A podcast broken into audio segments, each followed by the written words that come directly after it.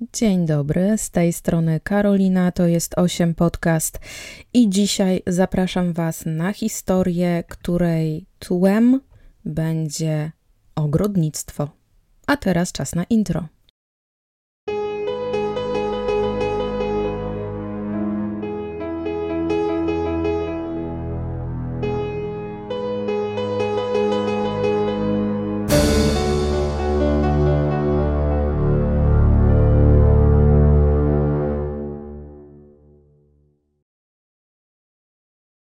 Intro i po intrze, czas na historię.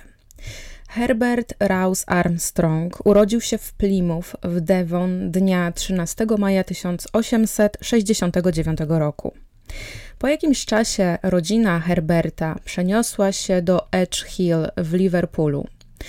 Herbert studiował prawo w St. Catherine's College w Cambridge i uzyskał kwalifikację radcy prawnego w lutym 1895 roku. Sześć lat później uzyskał tytuł magistra na tej samej uczelni. Pracował w Liverpoolu, Newton Abbot oraz Breconshire. Fakt, że Herbert pnie się po drabinie społecznej, pozwala mu na oświadczenie się Catherine Mary Friend, z którą zna się jeszcze z czasów Newton Abbot. Kobieta oświadczyny przyjmuje i w 1907 roku staje się panią Armstrong. Para doczeka się trójki dzieci, e, dwóch córek, Eleanor oraz Margaret oraz syna Pearsona. W końcu szczęśliwa, powiększona rodzina przeprowadziła się do domu o nazwie Mayfield, który znajduje się w wiosce Cusop Dingle, niedaleko miejscowości Hay on Wye której to miejscowości Armstrong prowadzi swoją kancelarię prawną pod szyldem Cheese and Armstrong. Po przeprowadzce Herbert zasila szeregi oddziału ochotniczego i awansuje na dowódcę tego oddziału. Po przeprowadzce do nowego domu wyglądało na to, że Armstrong bardzo wciągnął się w szeroko pojęte ogrodnictwo i miał nieomal obsesję na punkcie zwalczania chwastów, tworzył własne mikstury, którymi tępił dziką roślinność. Bardzo zajadle walczył z mleczami, a wiele jego mikstur zawierało arszenik. Mężczyzna był bardzo pracowity i wkrótce awansował w kręgach społecznych swojego miejsca zamieszkania. Praktyka prawnicza Armstronga także kwitła. Catherine była niezależna finansowo, ponieważ miała jakieś tam swoje niewielkie dochody. Jednak na tym idealnym małżeństwie cieniem kładł się pewien fakt. Fakt był taki, że w wiosce, w której mieszkał Armstrong, konkurencyjną praktykę prowadził adwokat nazwiskiem Griffiths. W międzyczasie dochodzimy do momentu, kiedy wybucha I wojna światowa i Herbert Armstrong dostaje powołanie do wojska. Jeśli chodzi o jego karierę wojskową, to on służył w królewskich siłach terytorialnych na terenie Francji pomiędzy majem i październikiem 1918 roku. W końcu przełożeni pozwalają mu wrócić do Anglii i kontynuować karierę prawniczą. Jednak jeszcze zanim będzie zwolniony ze służby, docierają do niego informacje, że jego rywal Griffiths jest już bardzo słaby i bardzo chorowity. Herbert dostrzega dla siebie świetną okazję i proponuje starszemu mężczyźnie fuzję kancelarii. Jednak Griffiths odrzuca propozycję. Zamiast tego sprowadza do siebie Oswalda Normana Martina, który po jego śmierci ma kontynuować prowadzenie jego kancelarii. I Griffiths umiera w roku 1920, a Martin, zgodnie z jego ostatnim życzeniem, przejmuje kancelarię. Tym też czasie życie w Kuzobdingo wraca do normy, co oznacza, że Armstrong nie jest już majorem, a po prostu mężem. I jego żona jest kobietą bardzo władczą, tak więc dosyć szybko on wygląda w oczach innych ludzi na pantoflarza. I jeśli chodzi o w ogóle wygląd fizyczny pana e, Herberta Armstronga, no to ten wygląd dla postronnej osoby zupełnie nie podkreślał jego zasług zdobytych na froncie, ponieważ tylko i wyłącznie dla porządku dodam, że Herbert był wysoki na 152 cm i ważył około 45 kg. Dla porządku też dodam, że pani Armstrong nie była jakąś ogromną Herod babą, jednak była wyższa od męża i traktowała go bardziej jak jedno ze swoich dzieci niż jak męża, jak mężczyznę z zasługami. Herbert był regularnie poniżany zarówno publicznie, jak i w domu. I tak dla przykładu. Mógł co prawda palić w domu, ale miał tylko jeden pokój na to wydzielony. Kitty, jak mówili na nią wszyscy w mieście, nie chciała nawet słyszeć o tym, żeby mąż palił publicznie. Nie wolno mu było pić alkoholu, a kiedy żona odwiedzała Armstronga w pracy, bez żadnych oporów beształa go przy wszystkich zgromadzonych. Często kazała mu też przestać brać udział w spotkaniach biznesowych, a już zwłaszcza kiedy te spotkania biznesowe wypadały w jego noc, kiedy to miał brać kąpiel. Kitty była bardzo szanowana w mieście, jednak kiedy ludzie po cichu plotkowali o rodzinie Armstrong, no to rozmówcy trzymali zawsze stronę pana majora. W maju 1919 roku Kitty zaczęła nieco podupadać na zdrowiu, a lekarz dr Thomas Hinks zdiagnozował przypadłość kobiety jako zapalenie splotu ramiennego. Po stosowaniu zaordynowanych przez doktora leków, jej stan się poprawił, ale doktor zalecał, żeby Kitty od czasu do czasu swój stan zdrowia z nim konsultowała. W okolicach maja 1920 roku Herbert zaczął coraz częściej jeździć do Londynu. Oficjalnie w interesach, nieoficjalnie bardzo często widywany był na mieście, kiedy to jadał obiady z przyjaciółką. Wdał się też w kilka romansów i bywał na imprezach tanecznych, podczas których składał różne, niekoniecznie stosowne propozycje lokalnym kobietom. W lipcu Herbert napisał w imieniu żony testament, w którym to Kitty zostawia wszystko po swojej śmierci swojemu ukochanemu mężowi. A ukochany mąż z zapałem większym niż dotychczas zabrał się za pozbywanie chwastów z ogródka. Aby modyfikować i robić bardziej skutecznymi swoje mikstury, Herbert zamówił jeszcze więcej arszeniku. I nagle w sierpniu 1920 roku Kitty poważnie zachorowała. Zaczęła mieć halucynacje i różne dziwne wizje. Jej zdrowie psychiczne uległo mocnemu pogorszeniu i to do tego stopnia, że musiała zostać oddana do azylu, ponieważ została uznana za szaloną.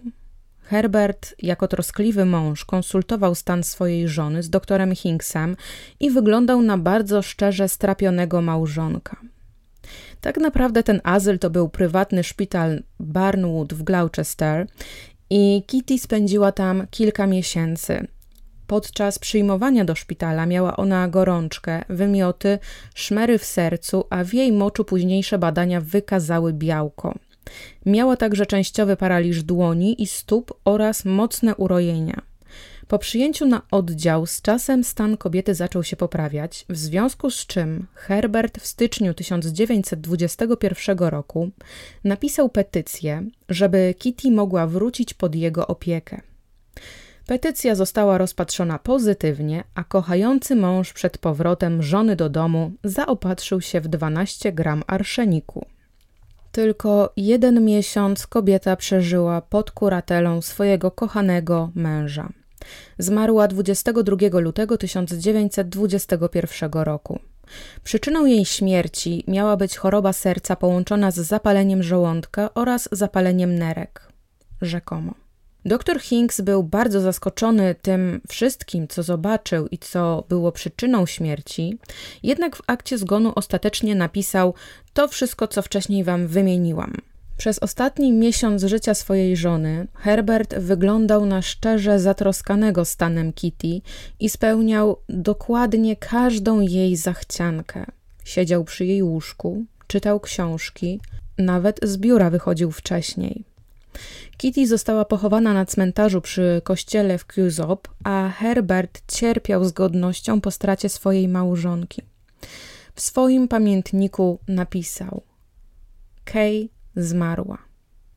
Po śmierci żony mieszkańcy miasta zauważyli bardzo dużą zmianę w zachowaniu wdowca, z cichego, nieśmiałego mężczyzny, zahukanego przez swoją połowicę, stał się przebojowy, otwarty, stanowczy, zaczął bardziej agresywnie prowadzić swoją kancelarię i z większą zaciętością angażował się w sprawy. częściej jeździł do Londynu. Natomiast w tym czasie mm, Martin, Oswald Martin zaczął mocniej naciskać na Armstronga, ponieważ on powinien mu zapłacić 500 funtów za pracę Martina, ponieważ on pracował e, dla Herberta jako notariusz. Herbert mógł zapłacić mężczyźnie szybko i łatwo, ponieważ odziedziczył po żonie majątek wart 2000 funtów, jednak z jakiegoś powodu podobało mu się to, jak drażni się z Martinem, żeby ten czekał i jeszcze czekał na swoją wypłatę. Aż pewnego dnia Martin otrzymał pudełko czekoladek. Założył, że to pewnie prezent od któregoś z jego zadowolonych klientów, tak więc przekazał pudełeczko z zawartością swojej żonie. Żona z kolei zaoferowała czekoladki gościom swojego przyjęcia i szwagierka żony Oswalda spróbowała czekoladkę. Zachorowała bardzo szybko po jej spróbowaniu. Natychmiast e, słodycze zostały wysłane do toksykologa, a toksykolog po zbadaniu stwierdził, że zawierały one arszenik. Co więcej, każda z czekoladek miała otwór wlotowy, którym na pewno ktoś próbował dodać coś od siebie do wnętrza. Martin był zszokowany i zaskoczony. Wszak któż to chciałby go w ogóle otruć? Tymczasem 26 października 1921 roku Herbert zaprasza Oswalda do swojego domu na herbatę i na pomoc przy zawarciu transakcji dotyczącej pewnej nieruchomości.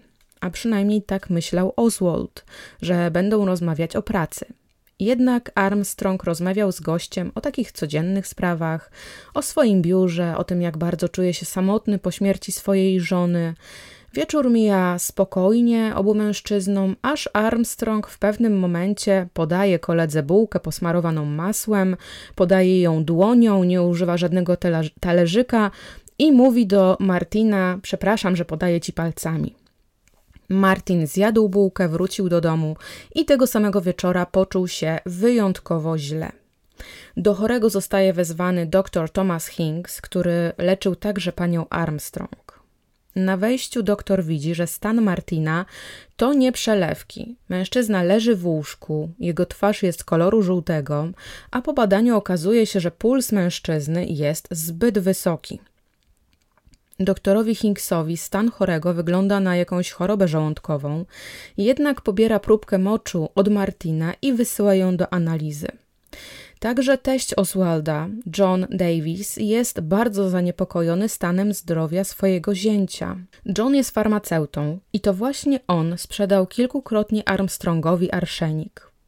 O ile sprzedawanie arszeniku w sezonie mm, do zwalczania mleczy nie było niczym podejrzanym, no to już wydało mu się to dziwne, że mężczyzna chce jesienią walczyć z chwastami. Ale kiedy John dowiaduje się o stanie jego zięcia, w głowie już klaruje mu się, co albo kto był tak naprawdę celem Herberta. Tydzień później dr Hinks ma przed sobą wyniki, które głoszą zatrucie arszenikiem. Nikt w domostwie Martina nie miał takich samych objawów jak mężczyzna, tak więc konkluzja jest następująca.